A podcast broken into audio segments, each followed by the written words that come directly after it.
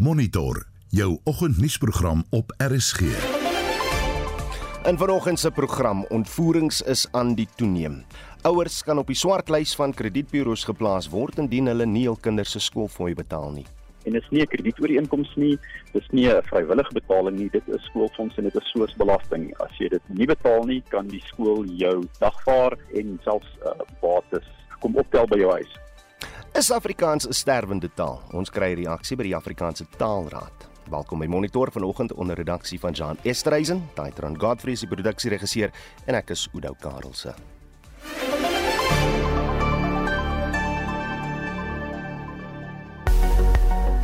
Goeiemôre, ek is Marlie Skeepers met die reisigers weer vir vandag, Vrydag 18 November, soos uitgereik deur die Suid-Afrikaanse Weerdienste. 'n Geel vlak 2 waarskuwing word vir ewige donderbuie met swaar neerslae, haal, skadelike wind en weerlig vir die suidelike dele van Mpumalanga en oostelike dele van die Vrystaat voorspel. 'n Brandgevaar waarskuwing word uitgereik vir die noordelike en sentrale dele van die Noord-Kaap, sowel as die verre suidoostelike dele van Noordwes vir toestande wat bevorderlik is vir die ontstaan van weggolfveldbrande. Pretoria 1732, Johannesburg 1629, Vereniging 1631, Mbombela 1833, Polokwane 1831, Mahikeng 1933, Vryburg 1834, Bloemfontein 1431, Kimberley 1635, Appington 1532, Kaapstad 1422, George ook 1422 Gqeberha 1321, Oos-London 1722, Durban 2026, Richards Bay 2231 en Pietermaritzburg 1629. Vir meer inligting, besoek die weerdiens se webwerf by www.weathersa.co.za.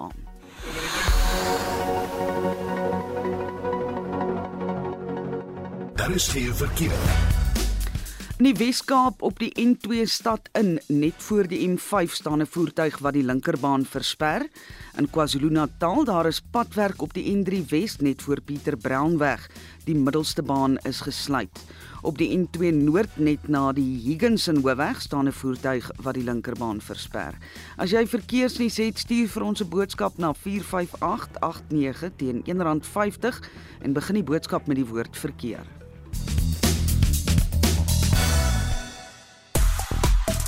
Die bekroonde aktrise Charlize Theron het uh, talle mense ontstel omdat sy sê Afrikaans is 'n sterwende taal. Nou Theron het die opmerkings in 'n aflewering van 'n Amerikaanse potgooi gemaak. Daarna volg 'n gesprek oor die oorsprong van Afrikaans en hoe Charlize uiteindelik in Hollywood beland het.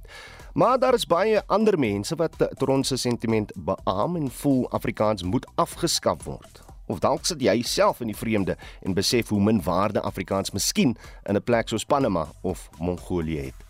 Wat is jou mening? Stuur 'n SMS na 45889, sal jou R1.50 kos per boodskap. Of jy kan ook saampraat op die Monitor en Spectrum Facebook bladsy en asseblief julle stemnotas op WhatsApp na 076 536 6961. Goeiemôre. In sportnuus vanoggend, Rassie Erasmus word weer eens deur wêreldrugby geskort. In tennis verlaat Rafael Nadal die ATP eindstryd met 'n troosoorwinning en Bafana Bafana kom van agter om die Mosambiekse Mambas te tem. Die volledige sport volg bietjie later. Dis Christo Gawie vir RSG Sport. Hitsmerk Afrikaans is nommer 1 op die lys van gewilde onderwerpe. Die grappies wat mense plaas na Charlize Theron se aanmerking dat net 44 mense nog Afrikaans praat is onuitputbaar. Hitsmerk Afrikaans is gewilder as hitse soos Ramaphosa 70, Senzo Mayiwa trial, Interpol en Bafana Bafana. Ondanks die grappies het dit wel tot verskeie debatte gelei. Die meeste gebruikers is dit egter eens dat Charlie se aanmerkings nie letterlik opgeneem moet word nie. Want 44 en 11700 en 3 miljoen and 99 mense praat nog Afrikaans. Jy luister na Monitor. Elke weekoggend tussen 6 en 7. Dis 12 minute oor 6. Solidariteit gaan voort met sy hofsaak teen Dischem. Die saak spruit voort uit 'n uitgelekte memorandum waarin die farmaseutiese reus gesê het dat geen wit mense mag aangestel word nie omdat Dischem nie sy transformasie teikens haal nie. Dischem het sedertdien die inhoud van die memorandum teruggetrek, maar Joan Marie Verhoef berig dat Solidariteit nie oortuig is dat die farmaseutiese reus nie sal voortgaan met die praktyk nie.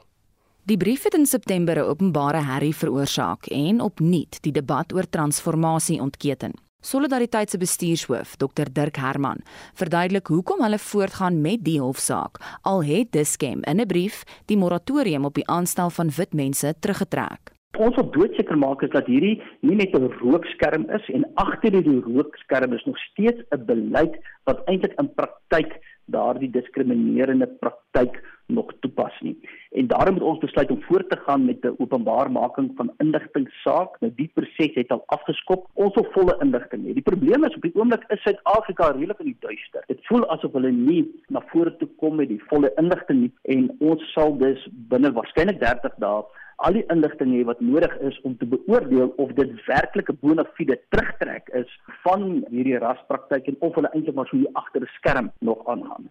Ontstoke verbruikers het voorgenem om Dischem te boikot en die maatskappy se aandelepryse het sedert die rasseherrie gedaal. Volgens Herman is dit 'n voorbeeld van verbruikersaktivisme in aksie. Die boikot begin en eindig. Hierdie is 'n vertrouensbreuk. Onthou iets soos Diske met die mense 'n besonderse verhouding mee. Dis persoonlike aankope wat jy daar doen. En daarom het hulle gevoel maar hoorie hier is 'n breuk met ons. Ons reaksie is oorweldigend dat mense skuif hulle koopkrag weg van Dischem en veral na plaaslike apteke. Dit is natuurlik nie noodwendig 'n slegte ding in elk geval nie. So ons sien op hierdie stadium dat plaaslike aptekers en gemeenskapaptekers eintlik weer begin opstaan en sê hier's ons, ons is ook hier om 'n diens te lewer. Nou ons praat van 'n aandelewaarde verlies vanaf die brief uitgegaan het van ongeveer 1,9 miljard rand Nou dit is regtig nie so simplisties om te sê dit is alles as gevolg van die boikot nie. Daar is natuurlik 'n klomp ander faktore wat ook 'n rol speel, maar die feit van die saak is die handelsmerk van Deskem het ongelooflik skade gekry en hulle sal baie meer moet doen as 'n enkel sinnetjie om vertroue te herstel. Hy sê die saak het verskeie uitkomste opgelewer, waarvan een 'n waarskuwing is vir maatskappye wat soortgelyke prosesse wil instel dit is reeds 'n goeie uitkoms indien kooppatrone verander. In die tweede plek is dit so dat Dischem se verbod sou 'n nuwe norm daar gestel het. Hulle het die grens geskuif van rasbeleid selfs verder as die wet toelaat. Hulle is 'n baie prominente maatskappy op die aandelebeurs. Asof hulle gelos het, dan het ons die grens geskuif. Die nuwe norm word later die reg. Die derde punt is nou dat ons moet seker maak dat dit nie net voortgesit word nie en dat ons alle inligting kry ook na die beleide agter en dit is dan spesifiek die aansoek wat ons het vir bekendmaking van inligting en laastens vertrou ons dat hierdie werklik 'n nasionale debat weer losmaak en dit het ook gebeur oor die sin en die plek van raswetgewing in Suid-Afrika. En hierdie stuur ook 'n boodskap uit aan ander maatskappye: wees versigtig. Dit was Dr Dirk Herman, Solidariteit se bestuurshoof. Ek is John Marie Verhoef vir SAK nuus. Die gemeenskap van Gatesville op die Kaapse vlakte sê borgtog moet nie toegestaan word aan sewe verdagtes wat in hegtenis geneem is in verband met die ontvoering van 'n 8-jarige meisie nie. Die leerling was op pad skool toe toe sy vroeër die maand ontvoer is. Sy is maandag in Khayelitsha gevind waarna sy met haar familie familie liewer herenig is. Kobben August berig. Sewe verdagtes het vlugtig in die Wynberg Landroshof verskyn op aanklagte van ontvoering en afpersing in verband met die ontvoering van die 8-jarige meisie. Die verdagtes se identiteite kan nie bekend gemaak word nie, aangesien hulle nie regsverteenwoordiging tydens hul verskyning gehad het nie. Fouzie Veresami van die Gatesville buurtwag sê borgtog moet nie aan die beweerde ontvoerders toegestaan word nie. I understand the process, but why do you still have to think of bail application? What about the victims' rights? It's more about the suspects' rights. So um, that's the reason we are mobilizing to take this matter to Parliament, the change makers, the decision makers. You are making decisions for us as the local people. What you think is comfortable, but it's not comfortable for us. You know, they were smiling, they were winking, they were blinking. They just, you know, they look like it's okay. This just a tick box. Die woordvoerder van die nasionale vervolgingsgesag in die Wes-Kaap, Erik Ntabazalila, sê die staat sal borgtog. On the 4th of November at around 20 past 7 in the morning, the learner was in a vehicle, school transport in the Athlone area. Two vehicles stopped around the vehicle, the, the school transport, and five men came out of the two vehicles and they snatched her. They put her in a double cab. And then on the 14th of November, the police received a tip off about her being held in a shack house in town 2 in Kailicha. 'n Inwoner Imdad Harris sê die gemeenskap hoop die ondersoek sal die meesterbrein agter die ontvoering ontbloot. You can see on the body language you can, who is the mastermind. You can see that they don't care. But all we want, there is a guy bigger. Yep. There's a guy bigger than them. So all I want that our investigating officers, they need to investigate this thing properly. They need to get to the top source. Die saak is tot die 7de Desember uitgestel wanneer borgtogverrigtinge sal plaasvind. Die verdagtes sal tot dan in aanhouding bly. Ek is Kobben August in Kaapstad. Skole waarsku ouers en voogte dat hulle op die swartlys geplaas kan word indien hulle nie hul kinders se skoolfooi betaal nie. Volgens die TPN Kredietagentskap betaal minder as 60% van ouers hul kinders se skoolfooie betyds. En sedert die COVID-19 pandemie blyk dit dat die aantal wanbetalers toeneem. Joan Marie Verhoef berig dat skole nou genoop word om nie betalende ouers by kredietburo's aan te gee. FETSA se adjunkuitvoerende beampte, Rian van der Berg, sê wanneer dit kom by skoolfondsbetalende skole, is dit 'n verpligte ooreenkoms tussen die ouer en die skool. Hy sê om op die swartlys geplaas te word vir wanbetaling is nie die eerste stap in die proses om skoolfondse te probeer verhaal nie is daardie skoolfonds soos 'n statutêre betaling. Dit is 'n verpligting. Dit is op grond van die ouervergadering wat gehou is en die feit dat die skool by regte deur die minister gegezet skoolfonds mag hê en dan is daardie betaling 'n uh, statutêre verpligting en is nie 'n kredietooreenkoms nie. Dis nie 'n vrywillige betaling nie. Dit is skoolfonds en dit is soos belasting. As jy dit nie betaal nie, kan die skool jou dagvaar en selfs uh, bates kom optel by jou huis en die ouer kan daarvoor nie so net geswartlys word nie, maar daar's 'n wetlike proses wat gevolg kan word sodat daar die skoolfonds ingevorder kan word. So wat 3000 skole uit die land se meer as 22000 openbare skole is fooi betalende skole. Van der Berg sê die gevolge vir skole wat met wanbetalers sukkel is verrykend meer hulpbronne laat toe vir meer effektiewe en meer kwaliteit onderwys wat afgelewer word. Die departement van onderwys finansier ook skole op 'n verskillende skaal. So kwintiel 1, 2 en 3 skole kry 'n aansienlike groter bedrag van die departement van onderwys af as die kwintiel 4 en 5 skole. En daar's 'n verpligting op die beheerliggaam om te kyk wat die beheerliggaam in sy vermoë kan doen om skoolfondse, nie net die skoolgeld, maar skoolfondse of skoolhulpbronne aan te vul sodat die kwaliteit van die onderwys verbeter kan word. Ons sien dit is 'n direkte korrelasie waar daar hulpbronne is, is daar 'n baie sterker basis en baie meer vrug van die boom. Dis nie te sê dat 'n uh, geen hulpbron skool sleg hoef te presteer nie, maar dit gaan maar soos in ons almal se lewens, as jy bietjie meer geld agter die probleem sit, dan word die probleem makliker aangespreek. So waaraan skryf hy die tendens toe? Daar's verskeie redes agter dit en ek dink die eerste een is die algemene wêreldekonomie wat 'n skaduwee gooi op die Suid-Afrikaanse ekonomie, maar die Suid-Afrikaanse ekonomie het sy eie probleme. So ek dink daar's 'n definitiewe ekonomiese invloed. Ons huishoudings word armer. Ons betaal 60% meer vir petrol vanjaar as laas jaar die tyd. Ons moet selfvoorsiening maak vir elektrisiteit. Ons moet voorsiening maak vir sekuriteit. So die rand wat ons het, strek baie minder ver as 'n paar jaar gelede gegee die verbrokkeling van infrastruktuur en die dienste wat ons kry. En dan is daar 'n definitiewe lang skaduwee van COVID en die grendeltyd. Ons sien dit in baie skole, die tendens is definitief 'n vergroting van die aantal mense wat aansoek doen vir vrystelling en dan sowel as die wanbetaling. daarmee saam die volgende pleidooi. Ek wil eerder as 'n waarskuwing wil die ouers smeek en sê die rede hoekom ons skoolfonds betaal is nie sodat iemand in 'n hoekkantoor 'n lekker lewe leef nie. Dit is 'n direkte belegging eerder as 'n uitgawe in die onderwys van jou leerder, van jou kind. So ons wil 'n beroep doen op ouers om te sê neem die belegging wat jy in jou kind se onderwys en opvoeding doen ernstig en maak seker dat jy daarin bly belê. Ons gaan nie op 'n plek kom waar met wanbetaling dieselfde kwaliteit onderwys aangebied kan word nie. En as ons oor daardie tipping point, daardie drempel beweeg waar daar meer mense nie betaal nie as wat daar betaal, dan gaan dit in die stort vir die res van die wat sou betaal het. Rian van der Berg, die adjunk uitvoerende beampte vir die Federasie van Beheerliggame van Suid-Afrikaanse skole. Ek is Jean Marie Verhoef vir SAK nuus. Monitor jou oggendnuusprogram op RSG. Swart Vrydag vind volgende week plaas en 'n stormloop word verwag soos verbruikers winskope jag. Verbruikers moet egter versigtig wees en hulle huiswerk doen om nie onnodige skuld aan te gaan nie. Vir meer daaroor praat ons met die ekonom van Matrix Fund Managers, Carmen Nel. Carmen, goeiemôre. Goeiemôre, Udo. Is goedere werklik goedkoper op Swart Vrydag? ja en nee, en baie items kry wel afslag op swart Vrydag, maar jy moet versigtig wees en soos jy sê jy huiswerk doen. Uh, dit is also baie maklik om die pryse aanlyn op te soek.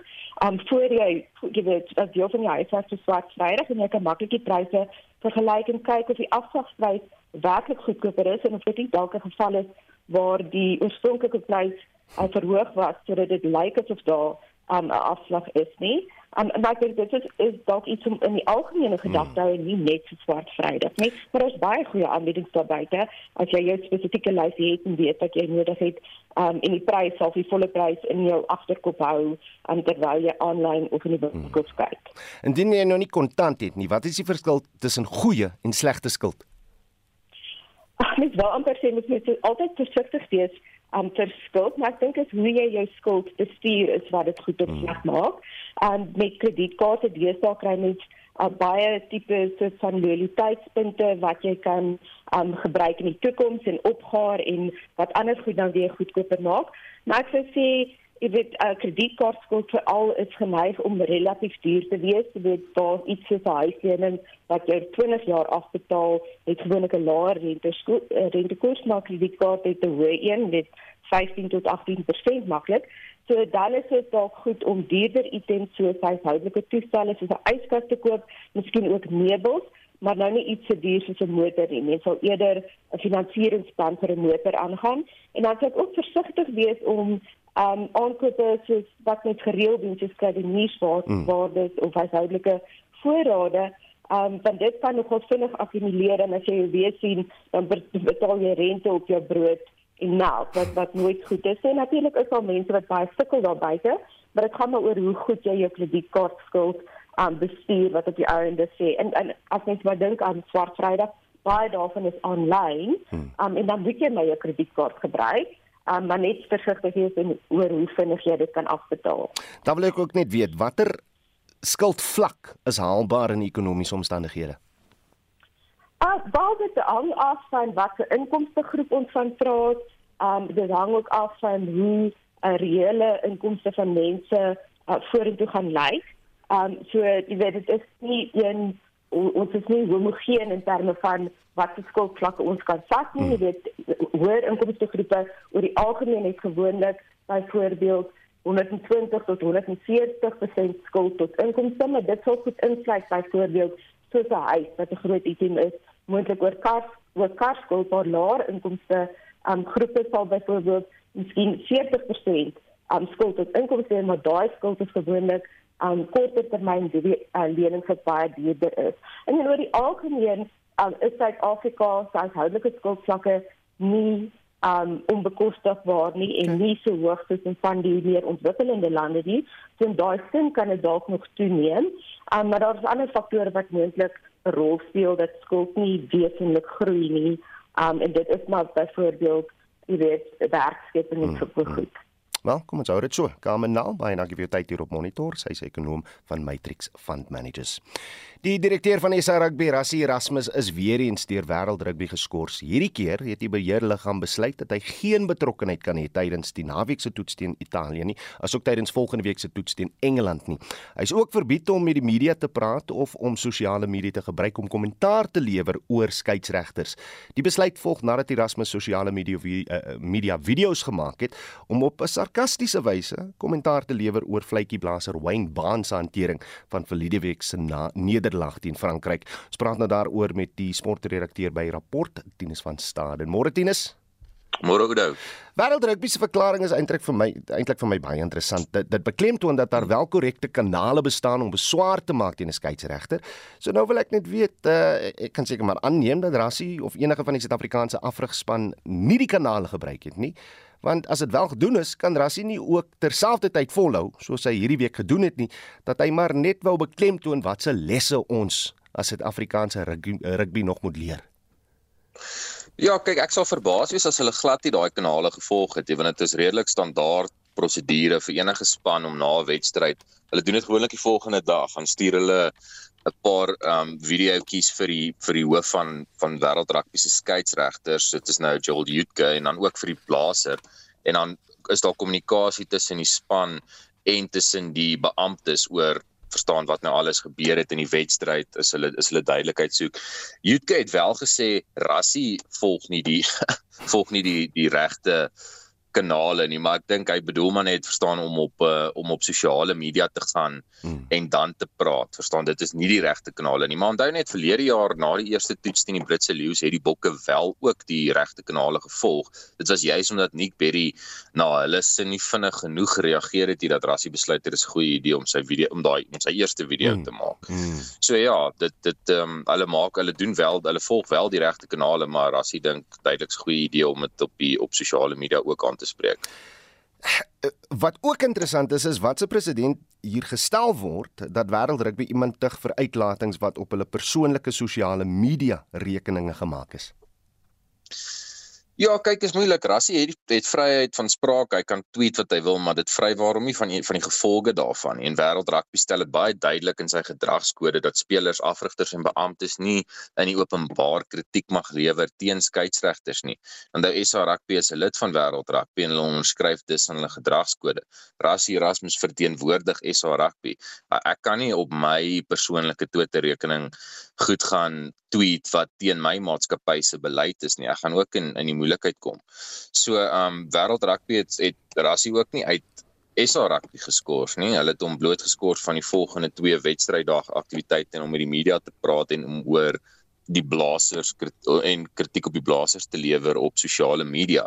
En onthou, hulle het ook hulle het ook die verantwoordelikheid om die blassers en en skeieregters en en beamptes, TV skeieregters te beskerm. Hmm. Want ek meen hulle is baie hulle is baie hulle is baie in 'n sensitiewe posisie want mense raak altyd kwaad. Vir die skeieregters verstaan en en nou hoor ons ook dat Wayne Barnes het um dreigemente gekry hmm.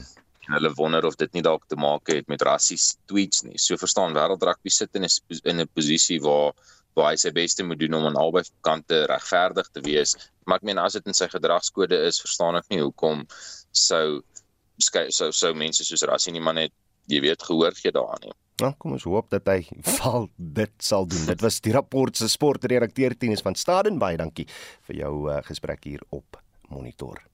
Jy luister na Monitor elke weekoggend tussen 6 en 7.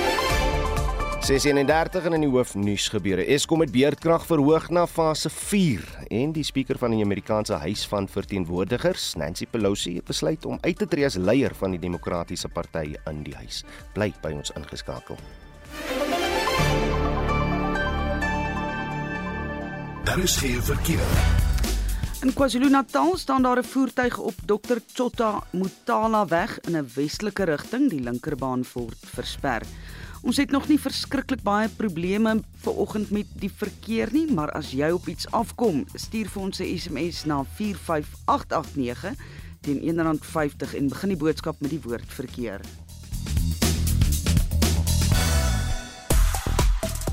Ja, vanoggend se brandpunt vraag is basies maar net twee woorde. Charlize Theron vraagteken. So wat is jou mening oor uh, die herrie wat losgebars het? Op Facebook sê Johan Sloot de Villiers, relax julle boude. Dit was 'n humoristiese gesprek. Moenie alles letterlik opneem nie. Afrikaans word daagliks in kommentaar op sosiale media meer as 44 keer uh ja, uh, misbruik, sal ek maar sê. Maar dis nie die woord wat hy gebruik het nie deur Afrikaans sprekendes. Dieselfde is wat gewoonlik groot uh mond is oor Charlies. Ongelukkig begryp hulle net dowwa dowwe dolla humor is wat hy sê. En dit gaan natuurlik dieper tot in die rasbedwelmde siege van baie van hierdie mense. Charlies het swart kinders. Dit is net een te veel vir rassiste, sê Johan Sloot de Villiers. Han sê Jan Libbe, miskien is hy reg as ek hoor hoe Afrikaans gemeng word met Engels, is daar seker nog net 44 mense oor wat sy oor wat suiwer Afrikaans praat. Die res praat kombuis Afrikaans. Deurspek met Engelse woorde. Uh Madeleine Pretoria sê Shalise opinie is gegrond op haar eie persepsie. Sy het kontak met realiteit verloor, soos die spreekwoord lui, uit die oog, uit die hart. RSG se luisteraargetalle is ongetwyfeld een van die beste aanduidings dat Shalise die getalle self opmaak en publiek maak. Sy skuld die Afrikaanse bevolking 'n publieke verskoning. Dink jy is reg? Wat is jou mening? Stuur 'n SMS na 4588919 R50 per boodskap. Jy kan ook saampraat op die Monitor en Spectrum Facebook bladsy en uh, net so voor 7 hopelik sal ons van julle WhatsApp stemnotas speel. Julle kan uh, nog van daardie stuur na 0765366961.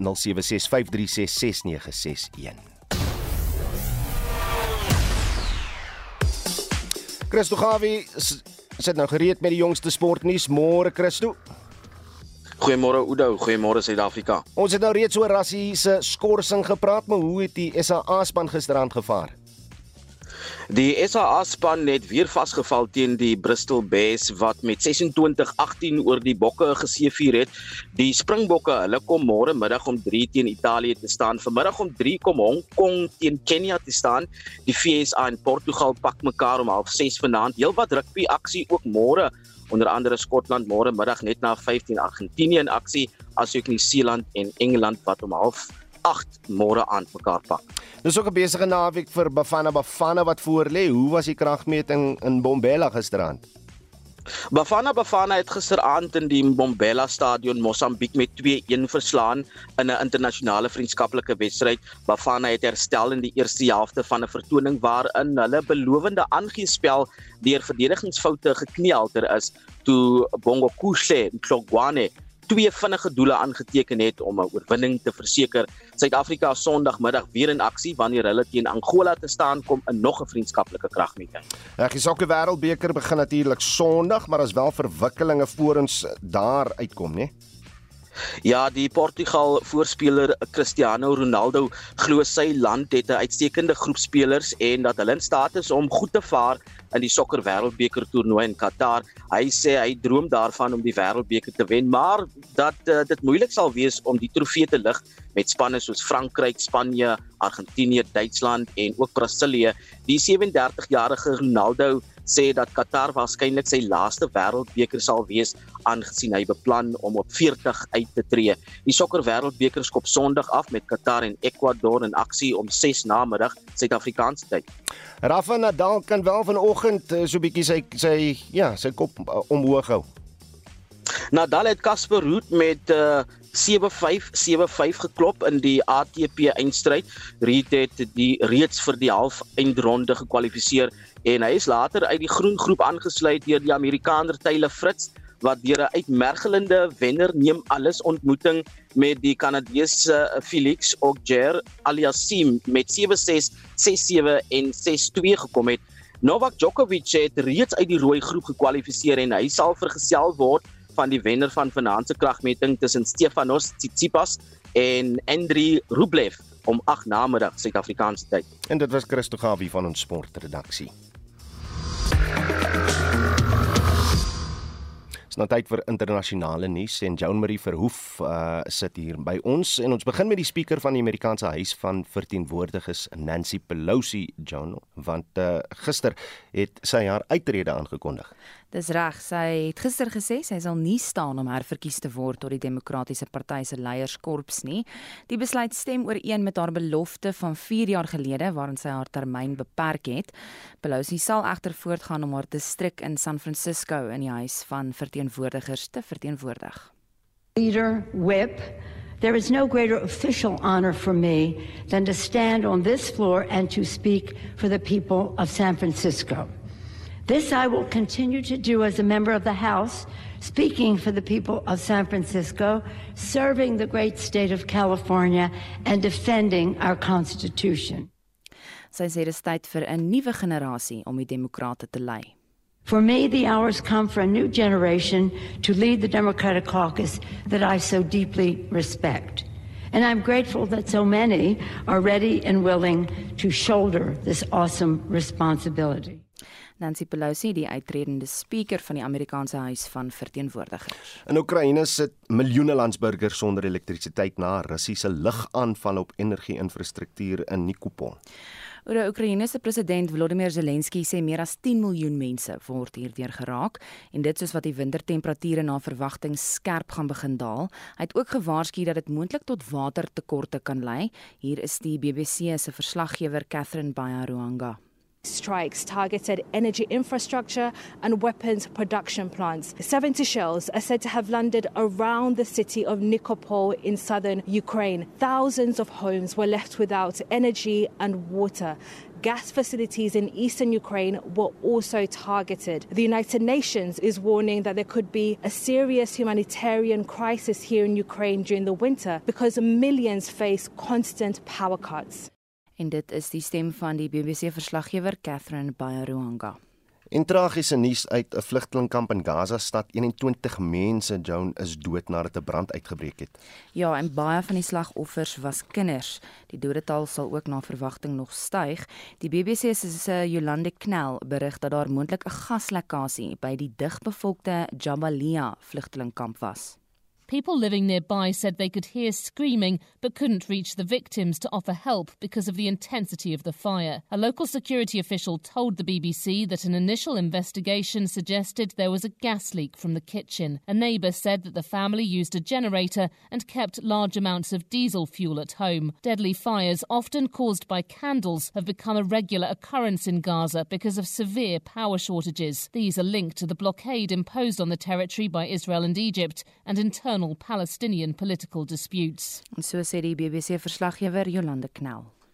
Marie Verhoef daar met 'n blik oor internasionale nuusgebeure. 'n Ma van 5 jarige van 'n 5-jarige dogter uh, wie nie uh, wie na bewering seksueel aangerand is, is deur 'n buurman in Kimberley uh deur 'n buurman in Kimberley soek geregtigheid. Sy beweer die polisie ondersoek nie die voorval wat vroeër die maand plaasgevind het nie. Tot op hede is niemand nog in hegtenis geneem nie. Reginald Witboy doen verslag. Die 5-jarige het die voorval 3 weke gelede by haar ma aangemeld. Die ma, wie anoniem wil bly, sê haar kind beweer dit is 'n buurman wie haar seksueel aangerand het. I asked her who did this to her, and she described the man who lives in our neighborhood. I am scared that he will come back for my child because he even threatened to kill her. Die moeder het die voorval toe by die polisie aangemeld, maar tot vandag het geen ondersoekbeampte haar gebel nie. I went to the doctor and he gave us a J88 form, but still, police are not doing anything. The investigating officer promised to call to no avail. I even took my daughter to Tutuzela for counseling. Gemeenskapslede sê hulle vrees vir hulle lewens en die van hulle kinders. We are not okay because what happened here has shocked us. We do not feel safe. Even our children are not safe.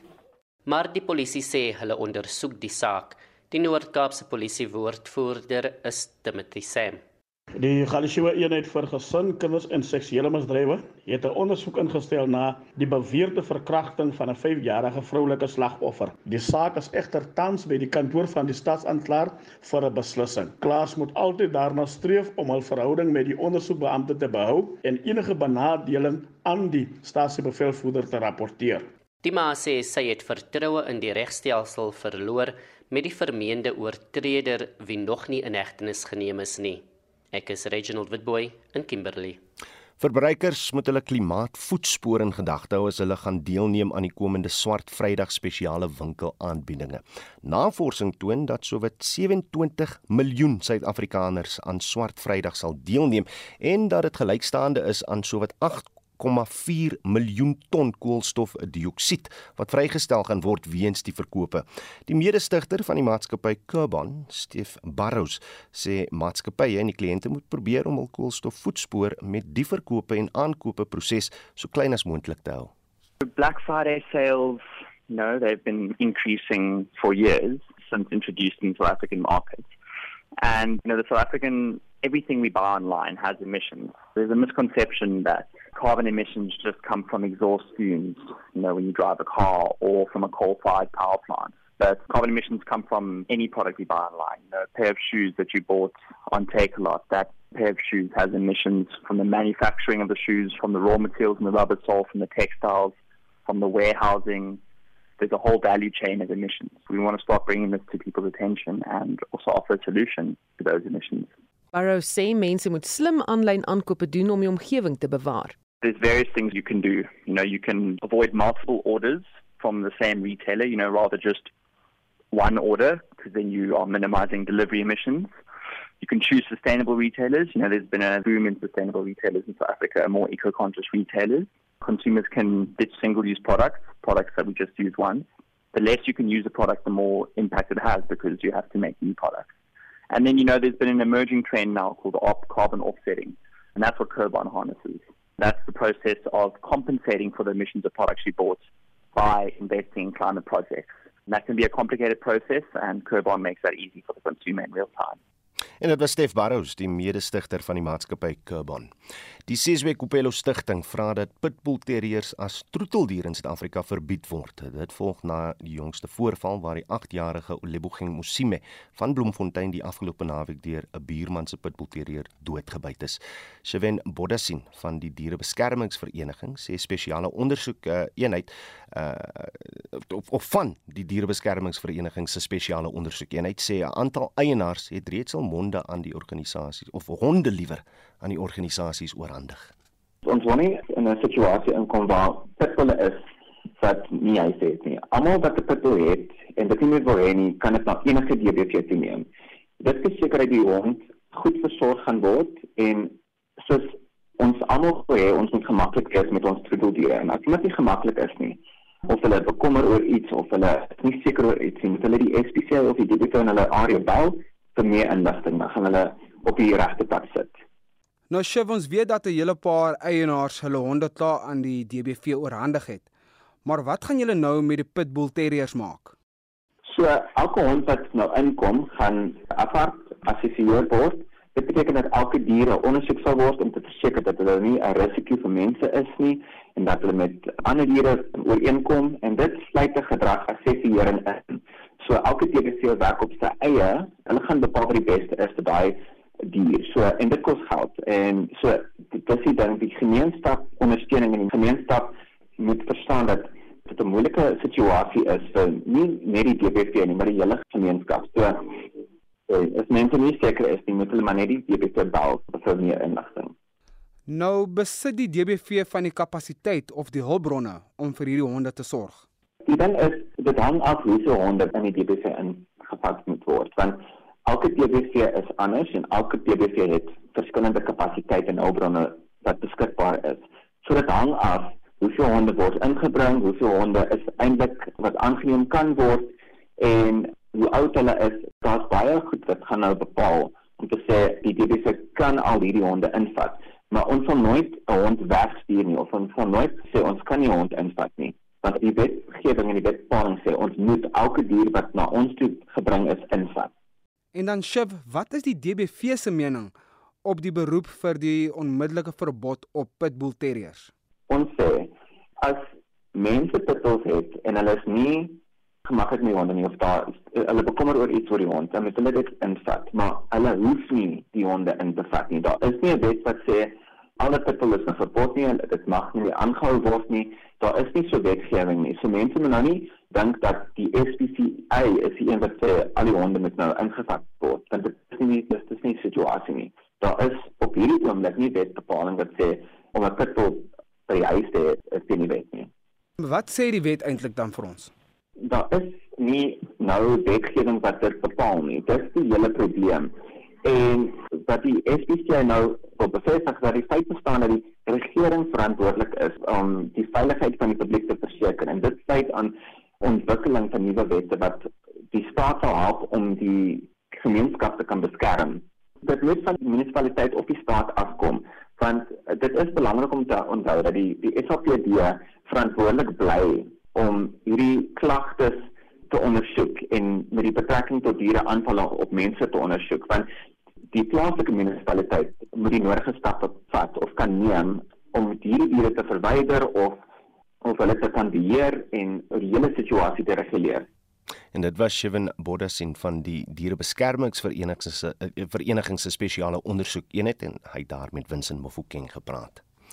Spits nou julle ore baie mooi want daar is van dese week in die media berig dat pynappels in die 1700s tot 142 000 rand een gekos het. Derhalwe praat dokter Willem Botha vanoggend oor die status van pynappels in die 1700s en oor hoekom die vrug so genoem word. Dok, goeiemôre. Goeiemôre Oudo. Dit kan net nie waar wees nie. 142 000 rand vir een pynappel. Ja, Oudo, die, die pynappel was op 'n tyd so gesog en duur dat daar 'n floreerende mark vir die huur van pynappels was. Ja, jy kon vir 'n pynappel huur. In die 1700s is pynappels van die Karibiese eilande ingevoer deur die Amerikaanse kolonies en jy tot 142 000 rand in verdagse geldware betaal vir een pynappel. Dit maak van die verhoogde pryse wat vir pynappels tydens die pandemie pandemie betaal is 'n filletjie. die rykers het tydens hulle partytjies pynappels uitgestal op hulle tafels as 'n simbool van hulle status en gasvryheid. Dit is net uitgestal. En eers as dit begin vrot word, is dit geëet. Die arm die armer mense kon dit wat dit nie kon koop nie, kon dit egter vir 'n aand hier by die pynappelverkopers. Dan kon hulle 'n pynappel na die partytjies neem, dit ronddra en so 'n bietjie spog. Vandag hier mense duur sportmotors om daarmee te spog by partytjies. Maar hoekom is 'n pynappel nou juis 'n pynappel? Die pynappel is 'n subtropiese tipe vrug en die woord kom uit koloniale Nederlands pineapple wat vir die eerste keer opgeteken is in 1579. Die oudste sitaat in die Woordeboek der Nederlandse taal is van 1608. Volgens Boshoff, die Afrikaanse taalkundige en woordeboekmaker, het Jan van Riebeeck die vrug aangeplant aan die Kaap. In Nederlands dui pineappel die vrug van die pynboom aan en die nuwe vrug waarmee die ontdekkingsreise kennis gemaak het is pynappel genoem as gevolg van die vormooreenkoms tussen die soort twee soorte vrugte. Hmm. In die 1700s het pynappel egter ananas geword in Nederlands. Pynappel is dus nie noodwendig 'n leenvertaling van Engels pineapple nie. Hoewel die Engelse vorm kon bygedra het tot die bestendiging van die naam en daartoe bygedra het dat die Nederlandse ananas nooit ingang gevind het in Afrikaans nie. Lieflik, lieflik Dr Willem Botha baie dankie vir jou tyd op monitor. Hy is die uitvoerende direkteur van die Woordeboek van die Afrikaanse taal. Sou jy 'n woord wou borg of koop, besoek www.wat.co.za of Google borg 'n woord. Die Suid-Afrikaanse gebore Hollywoodster Charlize Theron het in Amerikaanse 'n uh, uh, portgooi gesê Afrikaans is op pad na sy graf. Ons praat nou met Dr Konrad Steenkamp, die uitvoerende hoof van die Afrikaanse Taalraad wat 'n studie gedoen het oor die taal en onlangs 'n verslag daaroor vrygestel het. Môre Konrad? Uh, Goeiemôre. Gaan dit daar? Nee, dit gaan goed. Dit gaan goed, maar voor ons oor die verslag praat, kom ons luister net gou eers na 'n deel van wat Theron gesê het. It is a combination. There's about 44 people still speaking it. It's definitely a dying language. It's not a very helpful language. Do we know what it is a combination of? The Dutch language is predominantly what it's based on, and then there's some German in there, and then we've bastardized it. I understand Dutch, but when I speak Afrikaans, a Dutch person will be like very hoity toity about it, and they'll be like, I don't know what you're saying. Maar dit is Charlize Theron natuurlik in die Amerikaanse pot gooi smartless.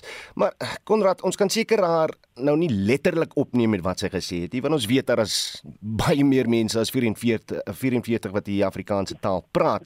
Maar praat minder mense Afrikaans of groei die taal? Nee, die, die taal groei beslis.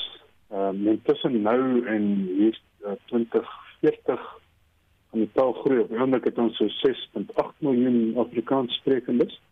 En dit gaan groei tot hier 7.1 mm. miljoen hier teen uh, 2040. So is definitief 'n groei. Uh, dit is dit dit kan sterker groei, maar die mm. groei is daar. Dit is dis dis nie 'n kwynende taal nie. Mm. Mm. Sê my hoe hoe het julle nou of hoe kyk julle na 'n uh, taal se bruikbaarheid? Hoe word hy gemeet en is Afrikaans vir jou soos hy sê 'n onnodige taal? Ja, ek dink net uh, mens mens mens weet nie mooi wat in Charlie se kop aangegaan het toe sy hierdie goed gesê het nie. Sy in die verlede het sy jou nuttige weet, jou goeie goed oor Afrikaans gesê gehad. Hmm. So as jy nou sê Afrikaans is uh nutteloos, dan vergeet sy dat sy sy het in Afrikaans skool gegaan. Sy het Engels weer Afrikaans geleer. Haar Engels het sy sê sy eerste in 19 geleer het. Ehm um, sy het deur Afrikaans geleer. Afrikaans het in daai sin vir haar gebring waar sy is vandag. Mm. Ek mis verstaan glad nie wat sy daarmee bedoel het nie. Die nuttigheid van Afrikaans daaroor het mens nie eers te stry nie. Dit is dis die leertaal van miljoene hmm. ehm um, Suid-Afrikaners. En die bruikbaarheid dis 'n onsinnige dis 'n onsinnige ding om te sê. Dis dis dis 'n laddegheid. Die die bruikbaarheid van van 'n taal, hoe word hy gemeet? Sjoe, ehm um, mense as mens ek wil nou nie so vreeslik taalkundig raak nie, maar jy sê net nou hoe word die taal in verskillende domeine gebruik? Hmm. Ehm um, maar praat ons van die funksies van Afrikaans. Afrikaans is, is sterk ontwikkel in die meeste domeine waarin 'n mens kan dink. En dit en uh, as as wat 'n uh, uh, sterk gevestigde moderne taal sou sou wat mens van 'n so taal sou verwag. Dis altyd dit is wel waar dat Afrikaans onder druk is veral in domeine soos sê maar die onderwys. Hmm. Ehm um, of in geloofsinstansies waar mens vind daar so 'n verskuiwing na Engels toe.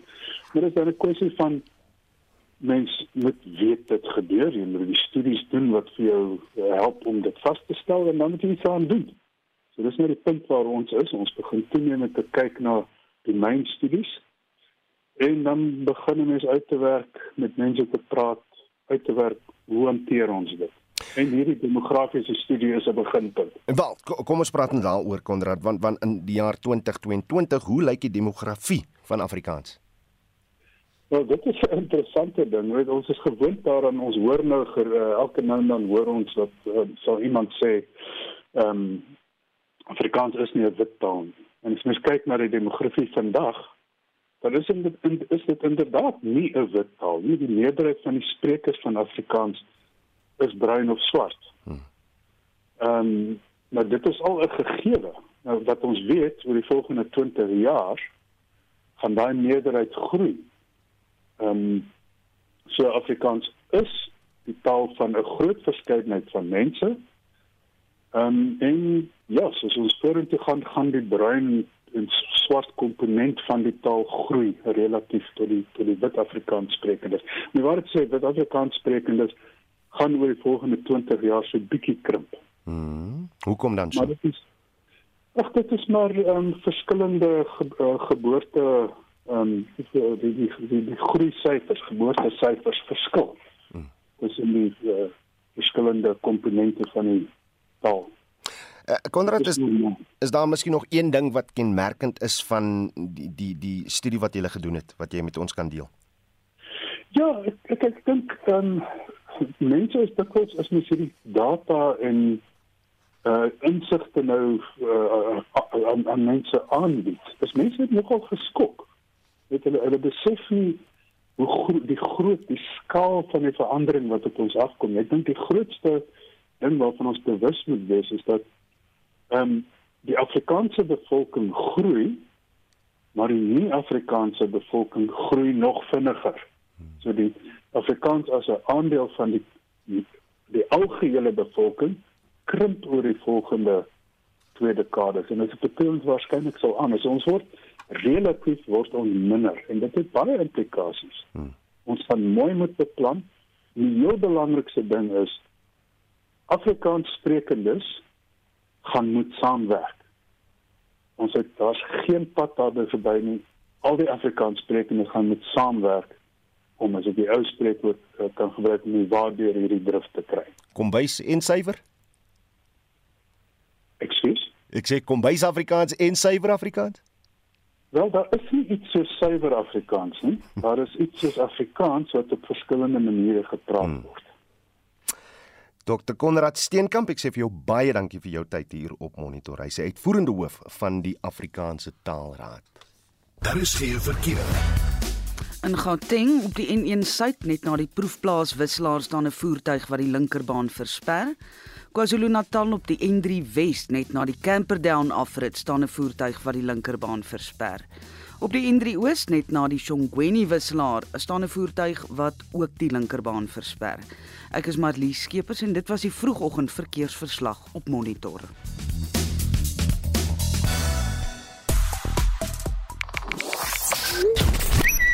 Sosiale media gebruikers gons oor Bafana Bafana wat gisteraand 'n vriendskaplike wedstryd Mosambiek met 2-1 geklop het. Ten spyte daarvan dat ons nie vir die Wêreldbeker in Qatar gekwalifiseer het nie, is daar besluit dat die span 'n reeks vriendskaplike wedstryde sal speel as voorbereiding vir die jong en nuwe spelers vir volgende jaar se Afrika Nasies beker. Bafana Bafana speel Sondag teen Angola. Ja, dit ons nog steeds oor Charlies Teron en op Facebook sê Bets Ferreira Afrikaanse tydskrif het haar loopbaan afgeskop en dit het sy nou gerief vir gerieflikheids uh, halwe vergeet. Nee wat, ek is baie teleurgesteld, maar nie verbaas nie. Daar verskyn elke dag vars poësie, letterkunde, liedere in in Afrikaans.